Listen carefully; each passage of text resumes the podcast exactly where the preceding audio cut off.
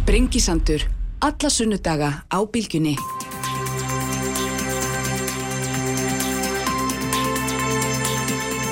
Sælir hlustendur, já, sælir hlustendur, þá haldum við að staða hér á Sprengisandinum í dag, þennan fara júli morgun, það er 11. júli í dag, uh, þeir verða hér hjá mér í lokþáttar, Ingebjörg Dag Kjartansdóttir og Alheður Ámundadóttir, þá ætlum við fjalla um þessa MeToo-bylgi og alla þá miklu umröðar sem orðið hefur um kynfyrirsofbildi, nauðguna menningu, gerenda meðverkni og guðum og hvað heita, hvað þetta heitir allt saman, gríðalega, gríðalega þungi þessar umröðaldri og hérna mjög margir aðtillisverðir ángar sem við ætlum að reyna að fara aðeins hér, hér yfir. Þeir verða hér hjá mér Pétur Pálsson og Daðimár Kristófursson uh, upp úr 11 þá ætlum við fjallum veðgjöld, réttmæta, réttmætar forsendur útreiknings þeirra og þar með réttmætt, uh, réttmætan afrækstur þjóðarinnar af þessari sameilu öðlind sem sjára öðlindin er. Inga Sæland, formaður Flóks Fólksins verður hérna líka. En ég ætla að byrja á samgöngumálum uh, því að nú er svona komið á daginn hvernig, hvernig þessi mikla innviða uppbygging, uh, hvernig henni verður hátta hér á höfuborgsvæðinu næstu 15 árin og, og hérna tengist auðvitað borgarlínu og, og markháttuðum svona risa framkvæmdum öðrum uh, og hérna þetta fer allt saman framundur í ökulu auga fyrirtæki sem heitir Betri Samgöngur og það er stjórnaformaður Átni Mattísen og hann er hérna sestur hjá mér, sælu blessaður. Blessaður. velkomin þannig að þú ert að koma heim frá borgin í Eiljú, Róm, það sem er búin að vera undan farin ár. Að stjórna allt öðrum málum og við kannski tölnum um það setna og einhvern tíman fæin og taka húsaður um hérna, gamla reynslu pólitíkin en nú ætlum við aðeins að skoða skoða þessi samgöngumál og þarna hvað svona hvernig, hvernig myndur lýsa þetta ég myndi halda að þetta væri svona þetta eru risaframkvæmdir, þetta eru þetta er svona einn stærsta sín sem við höfum séð Já, ég Hérna, lýsa- er það ekki? Jú, ég, ég myndi lýsa þessu þannig að, að við séum að verða vitni að umskiptum hvað varðar samgöngur á, á höfuborgarsæðinu. Ég held að við hefum aldrei séð svona á- áætlun eins og við erum með í, í gangi núna og ég undirstyrka það að hún er, hún er hafin. Já, já, já, það, og það er, er fullt í, í, í gangi. Og það sem að skiptir auðvitað miklu máli í þessu er að, að þetta eru fjölbreyttir samgöngukostir sem um er að ræða. Það verður að auka fjölbreyttina og valmöguleika þeirra sem að, að þurfa að ferðast um höfuborgarsveiði og það er verið að taka tillit til þeirra breytinga sem hafa orðið á hegðun fólks og því hvernig fólk vill eh, umgangast eh, svæðið og, og, fara um, um svæðið. Uh, mesta umræðan hefur erið um borgarlínuna en hún er hins vegar ekki stærsta uh, ítemið í, í þessum framkvæmdum.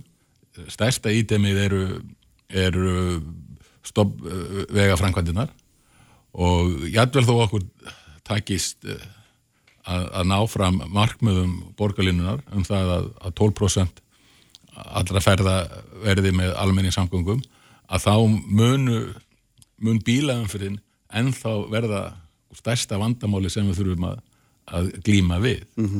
En það sem er kannski mest spennandi í þessu er það sem að maður sér bara hérna í, í daglega lífinu og, og ég tek eftir þegar ég er að koma eftir að vera búin að vera mikið í erlendis síðustu árin er það hvað virkir samgöngumátar virkir ferðamátar eru orðnir uh, miklu meiri heldur en áður. Bæði hjólreiðar og, og hvað fólk gengur miklu meira og þetta er auðvitað mjög jákvægt og inn í þessari áætlun eru tæflega 50 kílometrar af hjólastígum og, og, og göngustígum já, og þetta auðvitað skiptir allt saman eh, greiðarlega miklu máli. Já, já, einmitt. En hvernig sjá mann fyrir sér að svona þetta svæði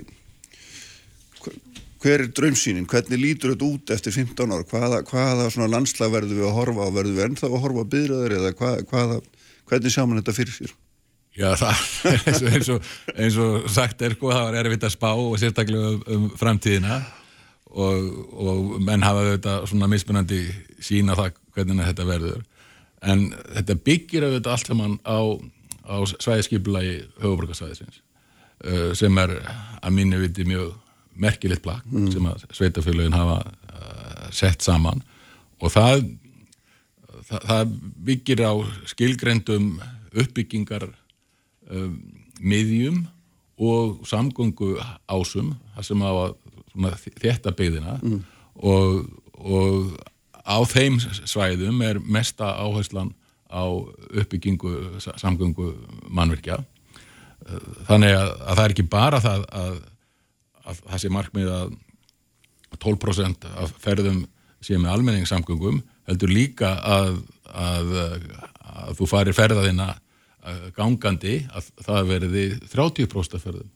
Og, og fari ég hvort það var úr, úr, úr 15-30 eða 20-30 og mann maður ekki alveg nákvæmlega Nei, nei, akkurat, en það verður mjög, mjög umtalsverður eða þriðjungur öllum ferðamætti sérst að vera fólkgóðum Já, já og, og ef maður horfir á það síðan í, í samingi við þessar stoppvegafrankandir eins og Sæbröðina og Miklubröðina og, og síðan Hafnafjörðavegin í Garðabæ að, að þá er gert ráð fyrir því að, að þessar stoppbröðir fari í, í stokk mm. og það gefur möguleika því að, að setja lók á stokkana Já. og eftir því hvað þessi lók eru myndarleg að þá er hægt að, að byggja ofan á þeim og þannig getur tengt saman hverfi og, og bæjarhluta sem að áður voru klófin af samgöngumannverkjum. Mm -hmm. Þannig að ég held að þetta gefi gríðarlega möguleika til þess að byggja öðruvísi sveitafjölu og tengja þau á, á annan hátt uh, saman án þess að, að, að minka uh, möguleika þeirra sem að áframvilja vera í, í bíl Já. en gefa þeim möguleika sem að vilja vera í almenningssangungum, vilja ganga og mm. vilja hjóla að gefa þeim möguleika líka og að, að ásýnd og, og, og tenging eh, sveitafélagana verði alltaf önnur heldur en að við mm. höfum upplifað. Mm -hmm, mm -hmm. Finnst þér, og því nú kemur það þessu eftir að þú segir að hafa verið aðeins fjárverðandi, er, er, er hérna því að allt svona þarf mjög góðan samljóm, þetta er gríla stórt mannvirki eða man, mörg stór mannvirki verið betra að segja, gríla stórt verkefni og það þarf að vera gríla hérna góður samhljómur með öllum þeim sem eiga hluta máli. Finnst þér hann vera hérna? Já, hann er það að, að mestu leiti. Já. En það er auðvitað eitt umdelt atriði sem að er, er borgarlínan og það snýst að mestu leiti um það hvort að menn hafa trú á því að við getum breytt hefðun okkar mm. og farið með almenni sangugunar úr hvort það eru 3, 4 eða 5% ég minnst það nú ekki skipta öllum álið hver sútala er en fara með það upp í 12% og svo ef að það næst hvort að, að það hefur þau áhrif á að minka bílaðanförðuna sem til er ætlast. Þetta er það sem er, er deilt um, þannig að ég vil nú orða þannig að það er ekki verið að deilum það hvort að ég gera þetta mm. heldur en, en hvernig. Já. En ég hef eins og að verið að skoða gömul svæðiskipulög og fyrsta svæðiskipulagið sem lagt var fram fyrir höfuborgarsvæði var 1985 og, og ég er svolítið gaman að því að það er undirritað að þá var þetta formanni samtaka sveitafélag á höfuborgarsæðinu Július Solnes sem þá var bæfundur í sjálfstæðiflokksins á Seltjarnanessi að í þessu plaggi þar er talað um það að almenni samgöngur að, að, að þær séu 13% af öllum ferðum á, á svæðinu þannig að sko, við vorum nú ég kom þér vel á aldur 1985 Kristján Já. þannig að ef að það ástand hefur verið viðvarandi þá mm.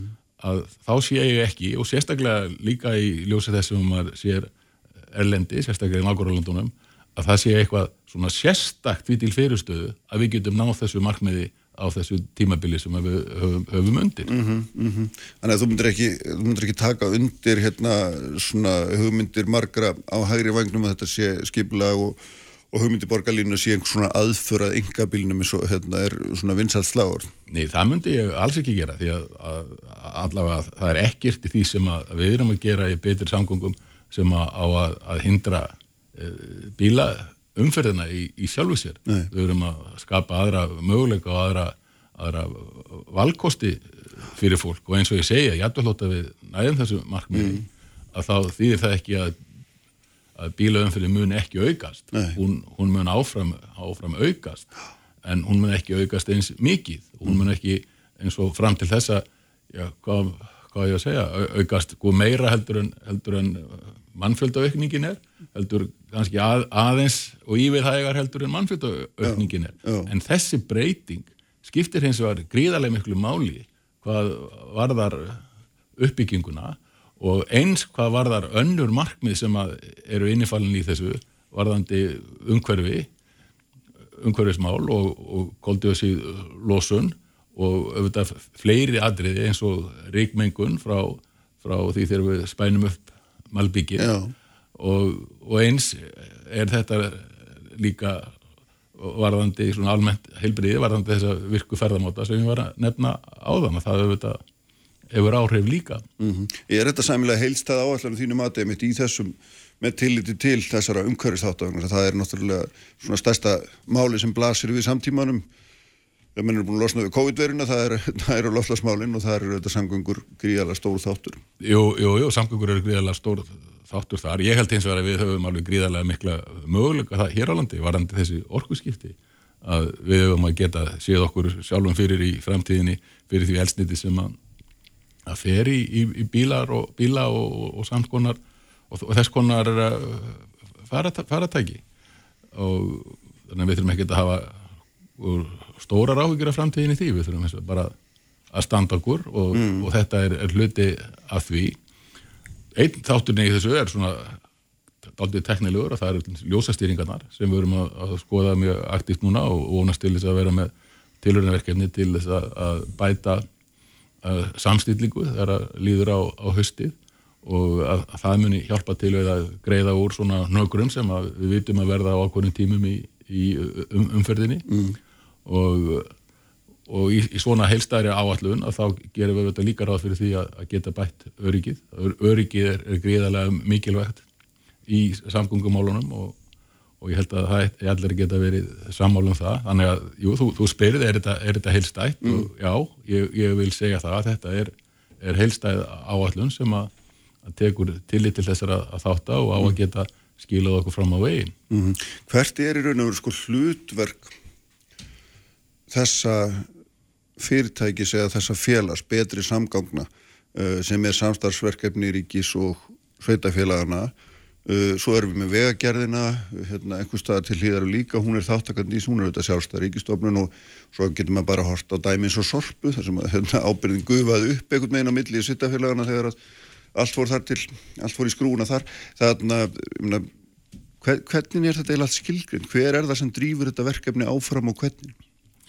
Já, það má eiginlega segja það að, að fyrirtækinu er ætlað að, að drífa þetta áfram Já.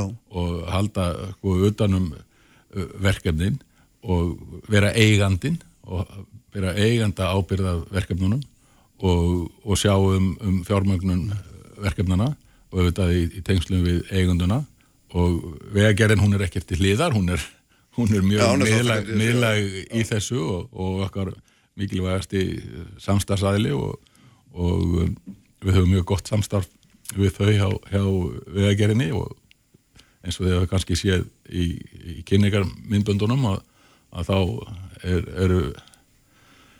er, er, er samstarfið mjög, mjög þétt mm.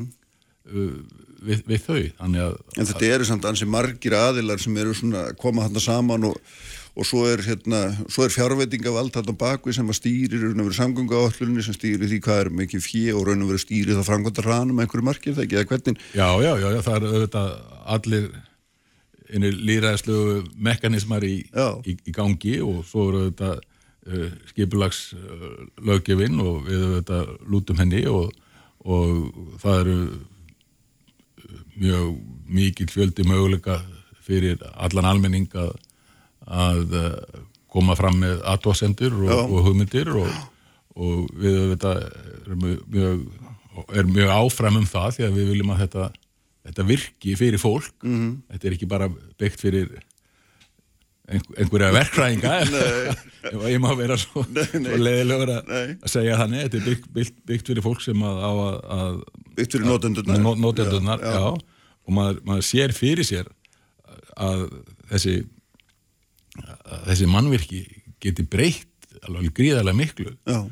til með að horfa á Kastnesi í Kóboi mm. að brú yfir fosfóin hvað það stittir leiðin í miðbæð bær Reykjavíkur á háskólasvæði á hérna, uh, nýja, nýja landsbítalan fyrir mm. þá sem að, að, að þar, þar búa og, og síðan tengist þetta svæði með uh, borgarlíninni uppbyggjörnum öll nýju uh, hverfin í efri byggðum uh, Kópavóks og, tengir öll skólakverfin inn á, á þessa samgöngu línu og, og svo til viðbótar við það bát, það bót sem að verður við tengingu Arnanis vegarins við breiðalsbrutina að þá eru alveg sko, stórkostlegir möguleikar sem að þarna er í gangi auðvitað byrjaði þessi fyrstu borgarlínuverkefni, þau byrjaði í Reykjavík og Kópói en hinn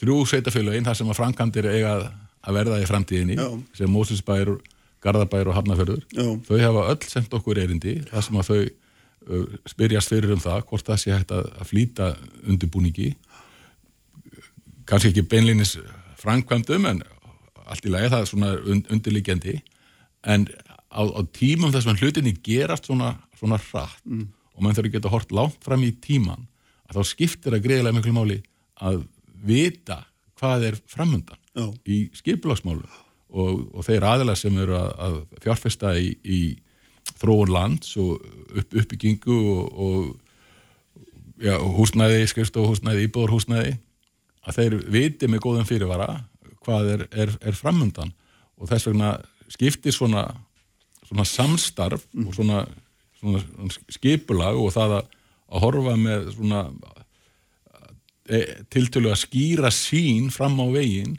gríðarlega miklu máli fyrir það hvernig að okkar samfélag mun, mun þróast. En þegar hérna, þú ert nú eldri en tvæ vetur eins og sagt er, hérna, eh, við erum að tala hér um sko áætlinir sem ná yfir hvað sennilega þrennar alþingiskostningar og annað eins og sveitastjórnarkostningum og hérna hva, hversu mikið haldir í þessu samkómulega raun og veru sko?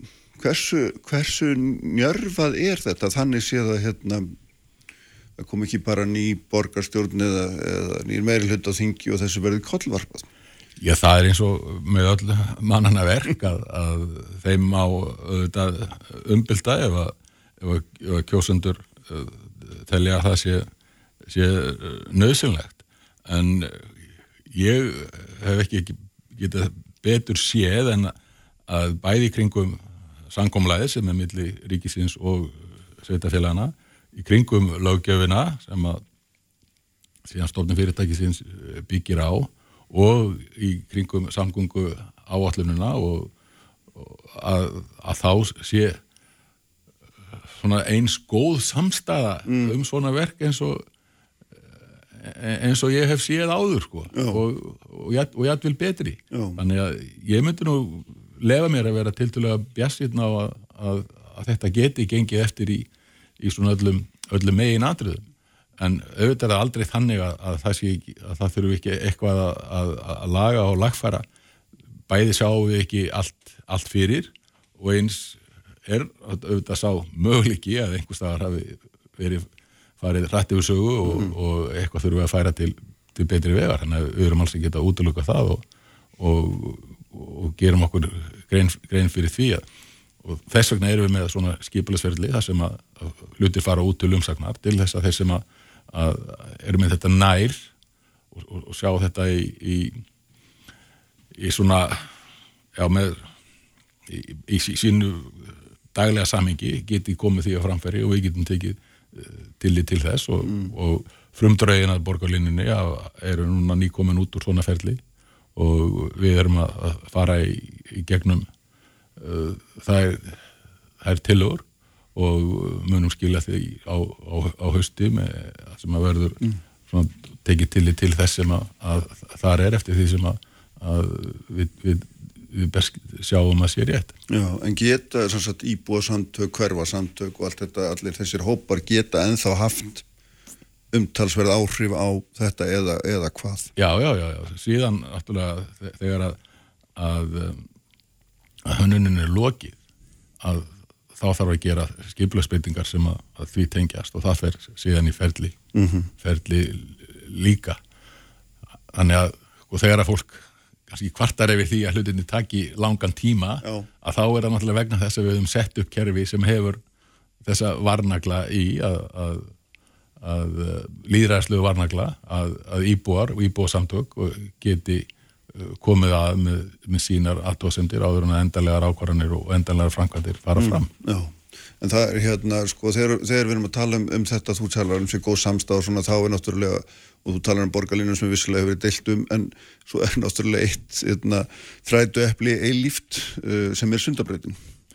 Já, já. Og minna, þar ég, ég, sér maður að svona, Sigurður Ingi keppistu að segja að þetta sé allt í höfn, en svo sér maður borgarfulltrúnir ekki að segja nei, það er nú alls ekki þannig, sko.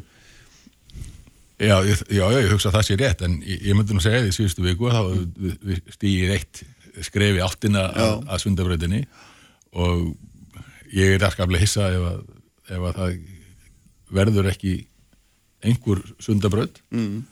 sem að kemur út úr þessu nokkur deginn á, á þeim stað þar sem að ég horfði á þá félagana skrifa undir þetta, þetta samkomla en ef við, ef við kannski stígum að, að, að skrifa tilbaka Já. að þá er, er pakkin sem að stundum við kallar höfuborgarpakkin eða höfuborgarsvæðispakkin upp á 120 miljardar og sundabröðin er að starra í gráðinni 50 miljardar þannig að við komum í 170 miljardar þannig að við erum að tala um umskipti í samgöngumálum á höfuborgarsvæðinu á svona tiltölega skömmum tíma í, í sögulegu samhengi upp á næri 200 miljardar og eins og ég segi, þetta höfum bara ekki Nei. séð áður Nei. og við, við þurfum bara jú, jú, við þurfum að koma okkur saman um þetta og nýta þetta sem, sem mm. best og átt okkur á því hvaða er sem að vandamálin eru og ekki hins vegar náttúrulega vera að deila mjög mikið um þau aðrið sem eru, eru minniháttar Já, þetta hefur nú ekki verið minna á þetta deilöfni Reykjavík hvað þessi braut þetta liggjar þetta það var nú algjör synd að kalla það það er ekki búið að ríðast um þetta í ekki síðan 70 eitthvað. Þetta er kynnslóðamál Já, akkurat nákvæmlega. En, sko, að því hún nefnir þarna þessa dágóðu upp að 200 miljardar hvað, hvaðan ætlum við að taka þessu 200 miljardar að hvaða leiti verður þetta fjármagnað ríkinu, að hvaða leiti verður þetta fjármagnað fjárfæstum og að hvaða leiti munum við þurfa að fjármagna þetta bara eigin, í eigin ferðum? Já, og sko, það ég get alltaf að minna sagt um, um sundabröðina mm, en, já, en hún hefur nú kannski að, ég hafði alltaf verið talað um það að hún er því einhver leiti í, í svona, svona samstarfi við enga fjárfesta. En við þurfum auðvitað að taka tillit til hennar og, og hún getur haft áhrif á það hvernig að til dæmis sundabröðar eh, sæbröðar stokkurinn mm. verður útfærður og það getur, getur tengingar þar á, á, á milli. En hvernig það var fjármagna höfuborgarsæðis eh, sáttmálan að, að það er, eru tíundar þeir, þeir eru svona möguleikar sem að, að þar eru það verða beinfjárlög fjárlög frá ríkinu uh, og inn í því verður kjaldnalandið sem er já, já. svona mjög aðdeglisverð nýting á á uh, efnaðsreikningi ríkisins, e e egnum ríkisins mm. inn, í, inn í svona framkvæmt síðan er framlag upp á 15 miljardar frá sveitafélagunum sjálfum sem að, að, að hlut eiga þessu á, á svæðinu. Og, og síðan er opna á þennan möguleika að það verði flíti og, og um, umförðagjöld það, það hefur ekki verið tekin ákvörðun um það hvernig þau, þau verða og, og hvernig þau taka gildi og við vorum að, að klára núna í síðustu viku svona, svona samkomlag um uppstillingu á, á, á fjármálum fyrirtækisins þannig að við þurfum svona hvað líður að fara að skoða það. En, en hins vegar, en hins vegar mm, nei, það, það eru þetta alþingis að ákveða það. Já. en hins vegar hefur sko, fjármálar á þann líst því að, að það væri líka áhugi á því að útfæra frekar það hvernig að efnahagsreikningurinn er notaður í, inn í svona verkefni eins og með, með Kjeldnælandi mm. og, og það, það geti velkomið upp að, að það er eitthvað meira af slíku mm. en það, það er bara svona ofsneft að tala um það Já. en það er allavega sko, það eru meiri möguleikar inn í þessu heldur en að að, að nefnur upphæðinni. Þannig ég hef ekki neinar áhugjur af því að við munum ekki geta fjármagna pakka. Nei, en, en af öðru var ég hægt að hafa áhugjur á þessum tíampunkti sem er það að þessar framkvæmdir verða keirðar í gegn á þeim tíma sem að nú erum við vantilega að fara í annað vakstar skeið þar sem að hérna, allir verða uppteknir við annað þetta kemur aftur inn í það það hefði verið mjög heppilegt að byrja á þessum framgöndum með hann að hérna, efnarskerfi væri luti í læðinni Jú, jú, það höfum við reynda gert sko. þessar framkvæmdir bæði mm. í Hafnafyrði og í Mósinsbænum og við rauðaðni eru að hluta til uh, fjármagnar af viðbóta fjármagnir sem kom til vegna, vegna COVID mm. og, og passa bara, bara mjög vel, vel inn í en ef maður horfir svona á það hvernig maður sér uppbygginguna verða núna eftir, eftir, eftir COVID að þá er, er nú kannski ekki fyrirsjánlegt að það verði mikið af svona framkvæmdum ná, nákvæmlega í, í, í gangi. Þannig ég held að það geti alveg passað ágætlega inn í það sem að, að, að framöndan er og ef við erum að sjá fyrir okkur að það verði hér áframaldaldi þróun í, í ferðarþjónustu að þá held ég að, að samgöngur á, á höfuborgarsvæðinu séu eitthvað sem að muni hjálpa til við það mm. og, og styðja við það sem að, mm. að, að þar er að, er, er, er að gerast og samgöngur eins og, eins og þessar eru auðvitað samgöngur mannverki og samgöngur tækifyrir sem að, að ferðamenn nota mm. mjög mikið og, og ætti að hjálpa til þar Rétt á hann við hérna ljúkumanni sko, þú, þú ert sjálfnaformar hérna og þarfst að horfa á þetta björnum augum en einhverjar hindranir hljóta verið ykkar huga sem þýr að horfa fram hjá. Hva, hvað er það sem að svona þýr að velta fyrir ykkur? Hvaða króka og keldur þurfum við að krækja fyrir til þess að koma þessi höfn? Jú, það er náttúrulega eins og ég segið á þann að það er, það er að koma sér saman um, um hlutina. Já. og það hefur gengið Og það er eitthvað verulega óunnið í því eða hvað? Nei, það myndi ég ekki, ekki segja. En, en það eru mörg tækifæri til þess að koma aðdóðsöndum á, á framfæri. Og við þurfum að, að vinna úr, úr þeim uh, ef, ef menn eru óbylgjarnir þá, mm. þá geta menn tekt á hlutunum og, og farið með hlutina út í, út í öfgar, út af, af smáadröðum þannig að það sem að skiptir máli er að mann sjáist stóru myndina oh. og, og saminist um, um hana og átti sig á því hver, hverjir heildarhagsmunir eru og, heil, og hvað heildar útkoman mun vera jákvæð fyrir okkur öll. Mm. Ljómandi, ég held við hérna setjum aðminn á eftirrefninu núna. Takk fyrir að koma á því. Takk ég að lesa um því. Og hérna, við höldum áfram hér eftir augnablíkinga Sæland verður hjá mér. Kraftmikil umræða alla sunnudaga. Sprengisandur á bylgjunni. Sprengisandur á bylgjunni.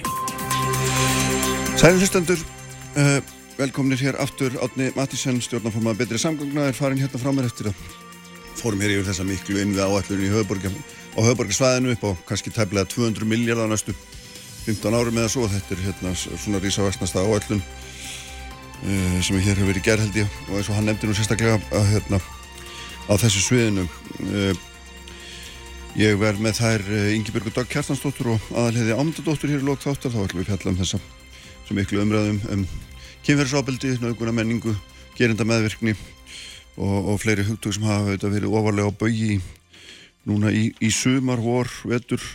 Uh, uh, þeir verða hér Petur Pálsson og Daði Már Kristófersson að ræða veiðgöldu eftir 11 en sestar hjá mér Inga Sæland sem er auðvitað alþingis kona, formaður flokks fólksins.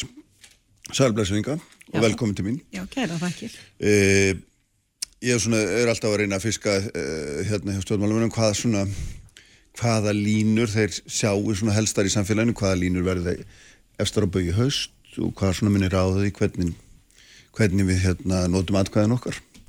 Uh, samarspurning til þín Hva, hvaða, svona, hvaða línur sér þú helstar, hvað heldur að muni skipta mest? Ég held að skipti náttúrulega mestu heilbriðismál húsnæðismál mentamál, það er, það er verulega aðtegli verst að að ennskuli vera ríflega hvort reyngja hér ólæs með lélega leskilning, maður eiginlega bara skilur þetta ekki. Ég tel líka að uh, sjáarútveismálinn uh, eigi eftir að vega þúnt. Uh, hvað er eðlilegt og sangjart veiðigjald, það fenn alltaf bara eftir þeim hver, sem situr í stólum hverju sinni. Akkurat við ræðum þannig að þetta er Við hérna á flokki, flokki fólksins viljum bara sjá, sjá vilja þjóðarinnar hvað það varðar. Já, hvernig lík, þá? Já, eins og eftir stjórnlaga ráðs þingja á sínu tíma og þjóðaratkvæða greiðslu, þá var alveg skýr vilji sko hátti 80% að- eða var ekki 84% kjósenda sem að óskuð eftir því að við fengjum fullt verð fyrir aðgang á auðlindinni. Þannig að til þess þá verðum við náttúrulega að fara markarsleið mm. en ég ætla nú ekki að fara að taka það, það af hérna gæstuðinu hér á eftir en, en við erum orðið langa í eftir því að, að sjá í rauninni þessa auðsöfnun og, og ótrúlega græðgisvæðingu á fára hendur Mhm. uh, hvað var það sjáarauðlindina þannig að e, þjóðin er komið með kall eftir því ég hefðu hingað og ekki lengra við Já. eigum þessa auðlind og við vildum náttúrulega gerna komin inn í stjórnarskrá ég geti trú að stjórnarskrámálið geti líka orðið svolítið heitt við Já. vorum hér dregin og asna eirunum allt kjörtímabilið og heldum að við varum að, En sopnaði það ekki bara einhvern veginn? Heldur að það ná einhverju flugi eða hvað? Já, sko, það var náttúrulega bara auðlinda ákvæð um sjávar mm. útvegsmálin okkar og sjávar auðlindina sem, a, sem að var þess valdandi að það var aldrei neitt inn og einu og, þá hefði náttúrulega bara sjálfstæðarslokkurinn einfallega og þeir sem að eru að, að standa í því að verja þetta þetta kvotakerfi og, og, og þetta, þessa sjálftöku farra, það, þeir hefðu bara einfallega geta sagt okkur að strax og sparað okkur svona eins og 150 klukkutíma bara út um gluggan þannig að En ég, ég held það er orðið mikið ákall eftir, eftir bara jöfnuði og, og meira réttlæti. Við viljum fæði klæðu húsnæði fyrir alla, við viljum hætta að sjá leng, lengdaraðir fátaks fólks við hjálpastofnanir og byggjum mat í einu og tíu ríkjustu samfélögum veraldar. Mm. Þetta er náttúrulega sárar en tánum tæki og okkur til ævarandi skammar þannig að já, það er orðið, orðið ákall eftir meiri jöfnuði og réttlæti. Já, en hefur nú ekki hagur okkar allra batnað? Nei. Það horfir yfir lengri tíma? Nei, Nei, segiru. auðvitað hefur ekki hagur þeirra batna sem eigi ekki fyrir matum í það mánuð. Það þýðir ekki að vera að tala um meðaltöl alltaf og OECD segir allt sér svo frábært. Það er ekki hægt að, að telja fól, fátöku fólki trúum það að það eigi alveg nóg og það eigi bara að gjöra svo vel að þegja af því að það eigi bara að vera sátt Mhm. við það að vera haldi hér í fátökugild. Nei, það eigi það ekki allir nóg, Kristján. Nei, það var nú ekki það sem ég var að segja. Ég var nú að tala um að hagur okkur svona sem heildar hefur batnað. Það var Já, það við sem ég var náttúrulega að tala um, erum skriðin af því út úr um torfkofunum, auðvitað. Já, já, ég ekki að finna þar. því að því þú varst að tala um að hérna, hefði, í byrðunum hefði lengst. Það, það hefur einmitt akkurat gerst og aldrei, aldrei verið eins og í vetur. Aldrei nótt, já. Hvað, hvað, Já. hvað, sko, ég sé að þú, þegar maður fer yfir málin ykkar þá eru þið einmitt mjög upptekinn af þessu nákvæmlega þið, eru með, þið viljið útrýma fátækt meðal annars og þess að það og hvernig svona, segðu mér hans hvernig svona, hvernig gengur ykkur að reka þennan málstað? Og í fyrsta lagi þá var flokku fólksins einfallega stopnaður til þess að útrýma fátakt. Mm. Þess vegna set ég hér. Eh, okkur hefur gengið uh, sko hægt, dropin hóla steinin og við höfum náði gegn á kjörtímabilinu þremur uh, frábærum málum sem að er nú uh, bara mjög þakkarvert með að vera smár uh, stjórnmálaflokkur í stjórnarandstöðu og núna rétt fyrir þinglokk, bara nokkru mínútum fyrir þinglokk, þá voru samþygt tvö mál flokks fólksins, annars vegar um leiðsögu hunda fyrir sjónskerta og blinda og hins vegar um að taka utan um eldra fólk með því að koma og fá taksmuna fulltrúa fyrir þau. Þannig að, og svo strax í upphafi kjörtímabils, eh, desember 2017, eh, þá fengum við í gegn eh, mál sem að, skiptir um 6.000 almannatrygginga þegar mjög miklu máli og hækka sannilega meðaltali þeirra, ykkur þeirra, fjölgar þeirra krónum um svona eh, rétt um 120 úrs krónur á ári að meðaltali og það var þegar við eh, fengum það í gegn að hætta að skatleggja og skerða styrki, hugsaðir, styrki til eh, tækjakaupa, Já. og það voru náttúrulega engi sem að fengu og áttu rétt á þessum styrkjum nema þeir sem voru allra, allra, í allra lægstu tekjutíðundum, þannig að, að þú fest kannski 100 áskronar styrk til þess að kaupa þér eh, tæki, hirtnatæki eða hvað sem var, fallaður einstaklingu fekk styrk til þess að kaupa hjálpartæki og þá var byrjað á því að skerða styrkin og uh, sko nei skattleikjan segi ég. Og síðan skert hann krónu á mótu krónu á þeim tíma. Mhm. og, uh, og húsnæðisbætur og allt sem að, að okkar tekjulagsta fólk hefur. Þannig að uppstóð hann, uppstóð hann með mínus. Þannig að uh, þetta mál uh, fór í gegn, uh, þver pólitíst og utan að það tekið. Þannig að, að hérna, já, við erum búin að ná árangri og það skiptir máli að uh, að fólkið okkar sem ég tel vera almanna trygginga þega og þá sem að hafa það báast fátakustu fjölskyldunar í landinu og börnin okkar e, eigi málsvara eins og flokk fólksins á þingi. Mm. og við höfum rópað hátt það er alveg á það er ekki farið fram hjá neinum og, og ég hef nú rópað það hátt að allir, allir, allir ég sé alltaf bara keggsýll en, en, en það er nú ekki svo það er nú bara ástriður fullur fyrir því sem að þeirra berjast Já, en þarna þú nefndir þarna sko þessar skerðingar í, í bótakerfinu og sem er svona, ég veit ekki maður ég veit ekki hversu langt maður ætti eiginlega að hugsa tilbaka þar sem þessi umræða hefur verið og, hérna, og stendur raun og verið enn því það eru mál fyrir þinginu, stór mál sem átt að taka á þessu. Þú ert búin að setja hérna inn í hvers vegna heldur þú að þetta reyfist aldrei neitt? Hefur einhverja svona, þú veist, ég veit, einhverja er aðra en einhverja tæknilega skýringar á því, Hva, hvað er það sem veldur þessu? Það er ekkert tæknilegt sem skýri það, það er bara augljóst vilja leysi stjórnvalda, það er náttúrulega að segja sér sjálf. Já, Við erum jú lögjafinn, kjörnir 63 fulltrúar og þar af höfum við framkvæmdavaldið, ráð, ráðherrana sem, sem í rauninni eins og, eins og allir vita þá er það nú þannig að stjórnarflokkarnir og meiri hlutin hann ræður í raun öllu þannig að þó að þó ég sé búin að mæla fyrir og við Guðmundur ringi 36 málum í vettur sem að öll, öll snúa að því meira og minna að bæta hag bæði eldra fólks, barna og, og alvartrygginga þega og fátækra að þá hefur megnið af því bara farið í ruslið þannig að, að hérna ef að vilji væri til þess mm. að leiðrétt þetta, þá væri það einfallega gert því þetta er mannana verk en það verður aðteglivert núna, við erum jú að ganga inn í inn í kostningar, við erum að fara að kjósa hérna í haust og það verður aðteglivert að standa með þessum félögum mínum í, í kappræðum í útvarpi og sjónvarpi og hlusta á fagugalan sem verður sungin einaferðina enn. Uh, sungin um loford sem var hægt að efna á kjörtímabilinu. Þannig ég hef nú að viðkenn það, ég hlakka únýttanlega til að takast á við það verkefni með Já, þeim. en þegar til og máli svo, sko, að skerða hérna, eða, eða, eða rýra möguleika fólks til þess að taka að sér einhver hlutastarfi eða slíkt verður þess að tekjurnar er einfallega skertar með hinn í hendinni og þetta er eitthvað sem allir sjá og allir vita og, og svona við leikum hérna, forvitna að vita bara þegar að þetta máli er rætt hvernig, hvernig liggja eða línur í þessu, Hvað, hva- af hverju gerist ekkert að þínum matið? Sko þetta, þetta er svo gjössanlega óskýranlegt.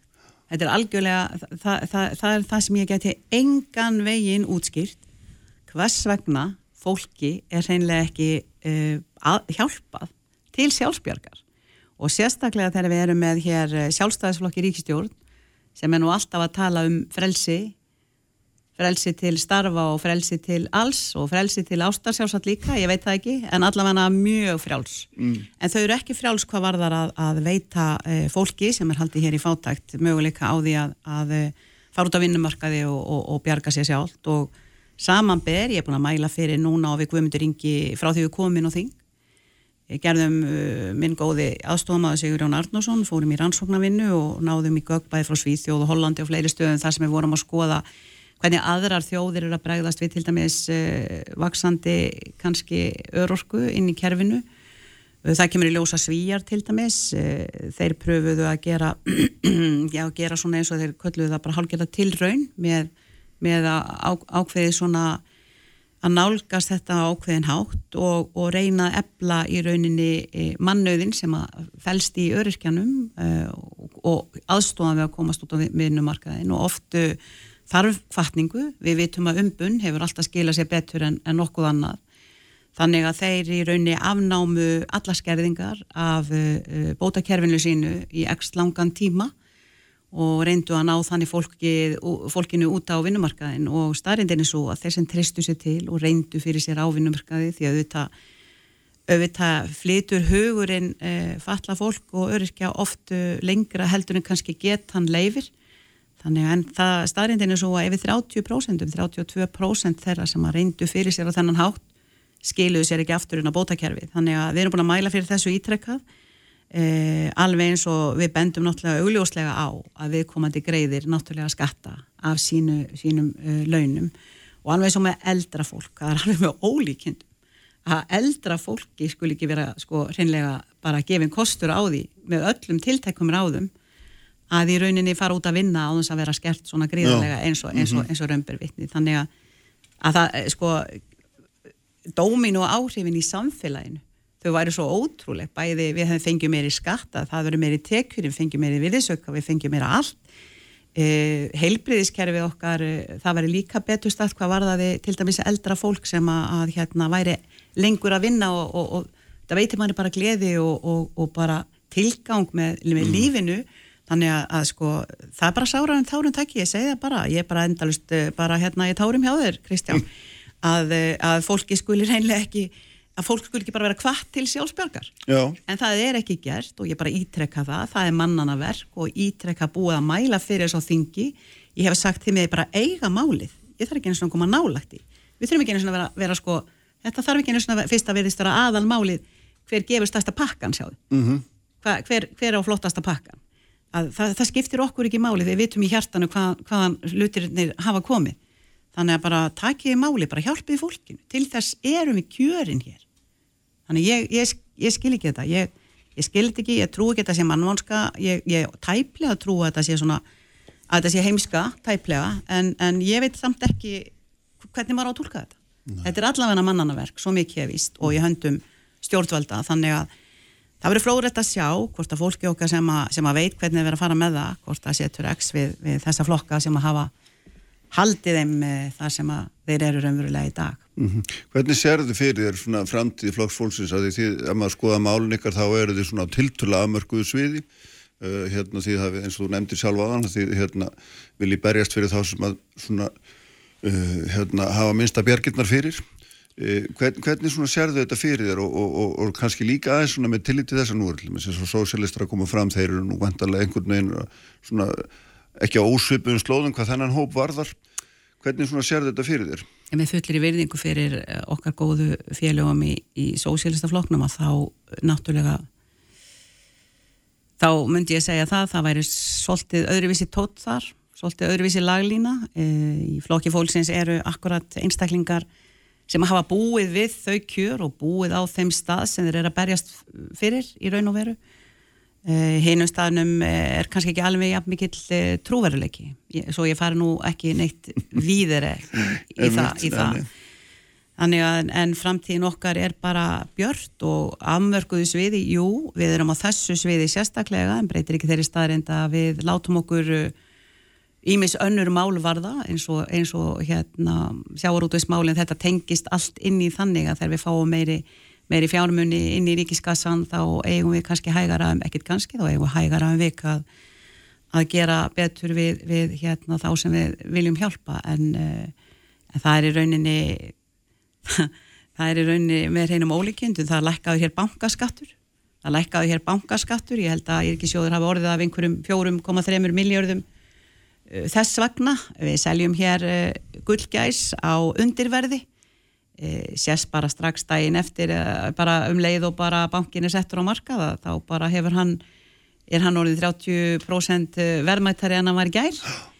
Uh, við fengum þennan þessa bankasölu í andlitið bara tveim dögum á hann fórum í því jólafrí. Og þetta var kert gegn á, gegn á stórförðulegum tíma og sérstaklega allt gert á meðan við vorum í, í jólafrí og fríi og komum ekki inn aftur fyrir inn í loki janúar eða 21. janúar. Þetta, þetta, þetta er allt í rauninni hvernig þetta kerfi vinnur og hvernig þetta virkar og hvernig í rauninni andstæðunar eru og sérhagsmennar gæslan er svo gífurlega maður bara, já mér er bara óglatt yfir þessar sérhagsmennar gæslu og sér alveg svo er. Almanna hagur er bara einfallega fótum tróðin Ég, og, og þarna, en það er engin bilbúur á ykkur samt sem aður þrátt fyrir, fyrir þetta allt saman fyrir tveggja manna þingflokkur eða tveggja, já Við vorum náttúrulega fjögur í byrjun, þú veist, við rákum helmingin alveg jú, heiklust jú, og myndum gera það aftur og aftur og aftur. Já, já, ég átti, ég átti að menna á því en nú, nú hafið þið verið tvö bara dölitin tíma En við, eh, sko, við höfum náttúrulega, sko, aldrei unni betur. Nei. Það fór nú fyrst hjólina snúast þegar við fengum að vinna þarna í friði í, að okkar uh, málefnum. Þannig að hérna, það er engan bilbo og flokki fólksins að finna fyrir utan það að við erum náttúrulega að fá frá, fram, frábæra frambjóðundur og ég mm. lakka bara til að, að eh, kynna þá. Við setjum inn á heimasíðan okkar, já, ekki, ekki svo lengur setna, okkar dásanlegu stefnusgrá og frambjóðundur í öllum kjörtamum og við viljum að halda svona pínlítla flugveldasýningu í kringu það, en, en hérna, Þannig að ég, ég hlakka bara til og við erum, með, við erum með frambjóðandur í rauninni á ótrúlega mörgum, bara á öllum sviðum þannig að sé, þó að ég og Guðmundur Ingi séum sérfræðingarnir eins og allir vita á sviði almannatrygginga og, og á því sviði að hafa þurft að búa við þetta ótrúlega mannvonda kerfi að þá erum við með alveg frábært fólk sem er að fara að berjast með okkur Já. á öllum sviðum samfélagsins. Já, og það, ég ræði það orðum þínum og það kemur, er, er einhver blöð með það að fletta þú ert að fara að bjóða þig fram aftur og hérna Já, já, já, já, já, já, alveg að blúsandi, blúsandi krafti og Já. ég er orðin að gatta við rúlu, það verður engi grátu núna daginn fyrir kjördag, sko, Nei, ekki svoleiðis. nei, nei En hérna, þetta verður nú samt ansi, þetta er nú samt svona, eh, verður snúið fyrir ykkur, er það ekki alveg augljóst? Akkur er það snúið? Já, bara, ég mynda mér það, það eru enn fleiri flokkar komnir og hérna, verður erfiðar að ná í atkvæði og því fleiri sem þeir eru, þeim er svona eh, erfiðar að komast í gegn og svo framvegis.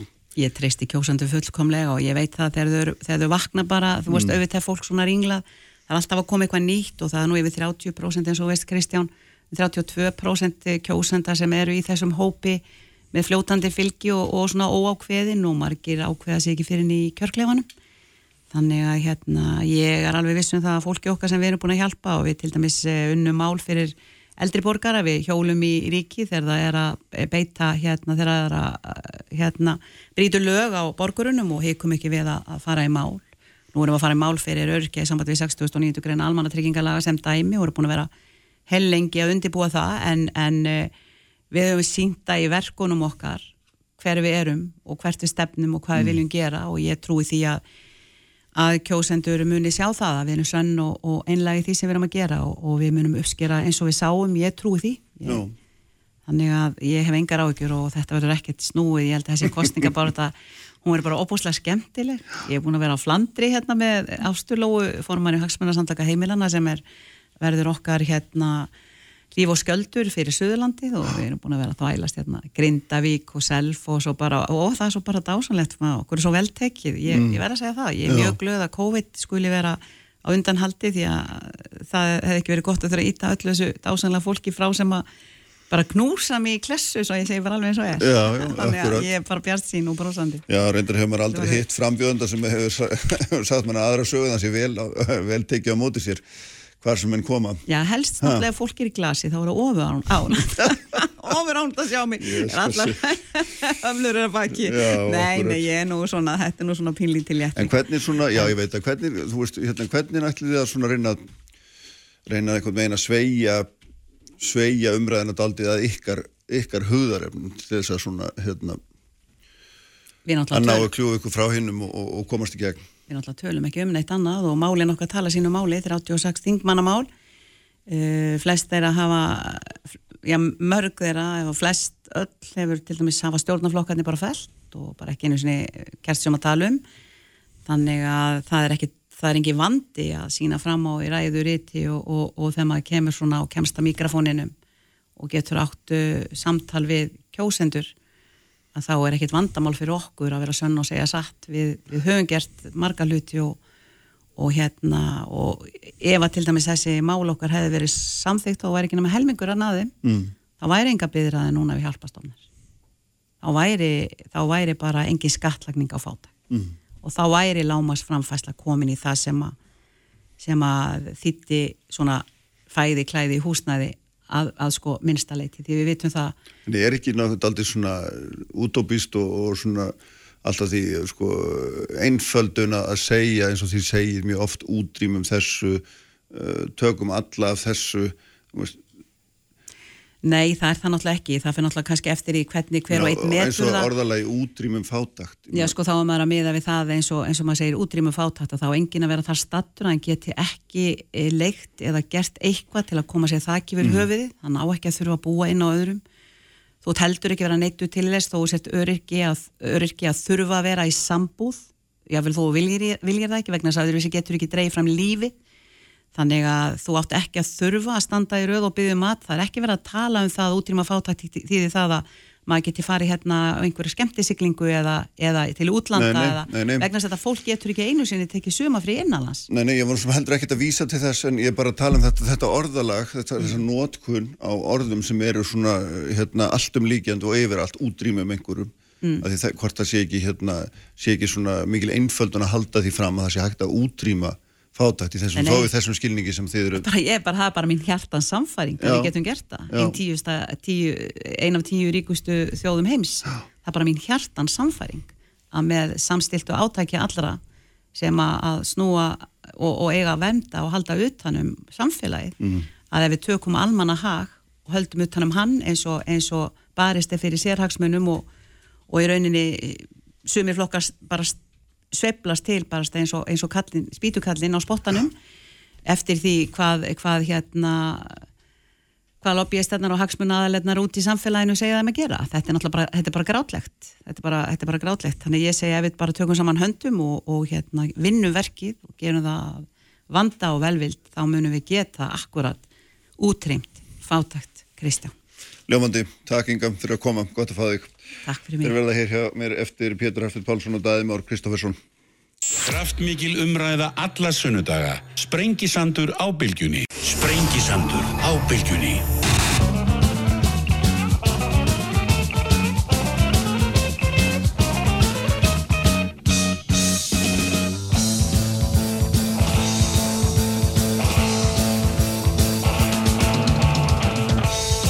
Sælir aftur hlustendur, Inga Sæland farin frá mér.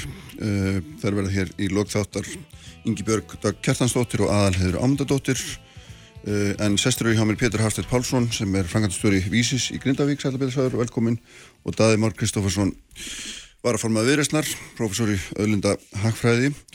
E, tilefnið af því að ég fekk ykkur hingað er nú að hérna, Pétur þú böðst hérna, daða í kaffi og við ákomum að taka það hér. Ég var eftir að þykja það. Já, já, já, við erum bara að taka að það. Já, við mitt nákvæmlega. En þið hafi verið að skipta staðans á skoðunum um, um réttar forsendur útreiknings á veiðigjaldi og, hérna, og þetta er nú svona hluti af stærri umræðu auðvitað um það hver á hvernig um að skipta þessu mikla og uh, mikla hagnaði sem verður á sjávarúti það getur verið það ef við rekum gott kerfi sem við höfum vissulega gert, óneitarlega og hérna, Daði, þú hefur settur stöðar og sendur þetta og segir að hérna, við fáum allt og lítið og, og Pétur segir að Daði svarir með ranga fórstur ef við ekki bara byrja hérna eldsnögt að því af hverju eru fórstundar rangar? Já sko, það er nú ekki endilega þannig að ég haldi því fram að við tökum á lítið. Nei, en- eh, heldur að ég held að þessi nálgun að, að reikna gjaldið út sé mjög erfið og uh, hafi einhver nefnt að lesa þessa greinar sem við vorum að skiptast á við Pétur að, að þá kemur nú þar glöglega fram að við erum sko sammála um mjög margt uh, eins og það að, að gera einhvern meiri háttar uppskurð á kerfinu til þess að uh, gögnin verði áræðanlegri er ekki skynsanleg nálgun og þá tala ég alveg sérstaklega um aðskilna veið og vinslu, ég held að, að það að samþætta veið og vin, veiðar og vinslu eins og við höfum gert hér í mjög, eða allavega leifa það eins og við höfum gert hér, hefur skilað mjög miklum árangri. Um, Ég hins vegar, uh, eftir að hafa setið, ég satt í veiðigjaldsnefnd allan þann tíma sem hún starfaði uh, og, uh, og ég verð bara viðurkenna að, að, að svona kunstir við að reikna þetta.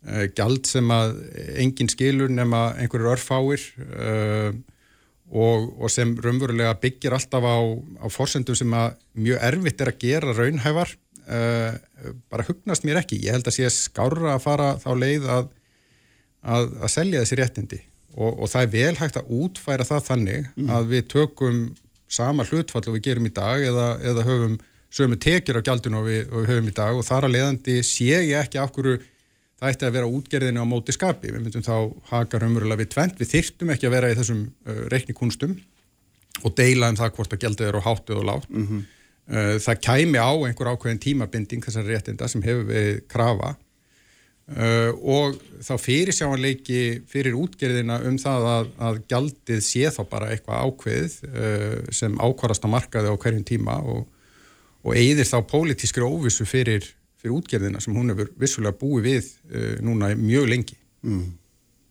Pétur, þú ert ekki hrifna þessu Nei, ég, eins og, eins og þetta þið segir þá erum við menn alveg sammála um markmið menn eru sammála um markmið hérna rekstariðins, það er að búa til það er mikið að setja til skiptana og færi mikið í skatta og, og hafa allir það sem við vilja hafa fyrir það.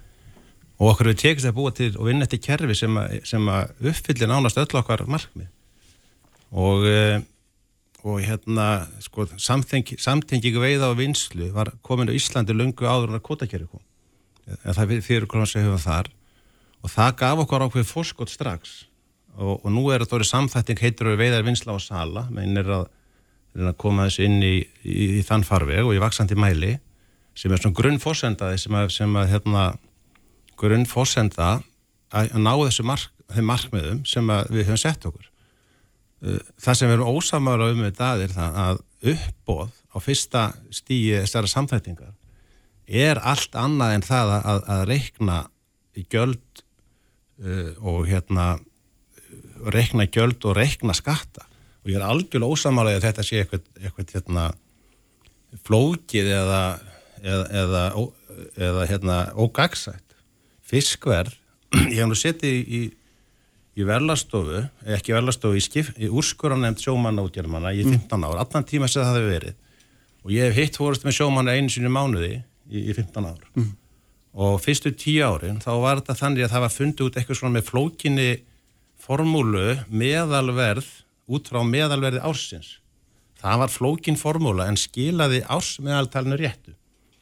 Fyrir fjórum mál þá breyttu við sér þannig að það er bara tekið þryggja mánu meðaltal af markaði.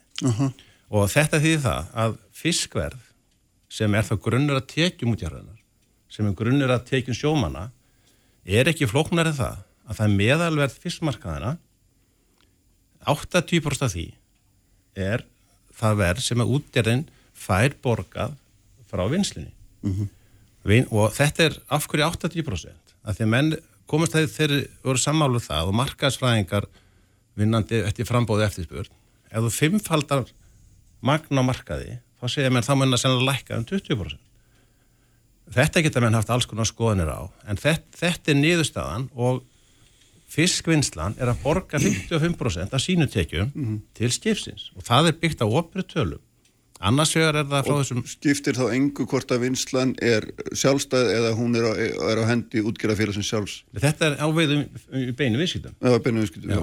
og, og, og nú er það bara orðið þannig að þær vinslur sem erum í beinu viðskiptum þær hafa haldið velli í samkeppni við niðugræðar vinslur erlendis.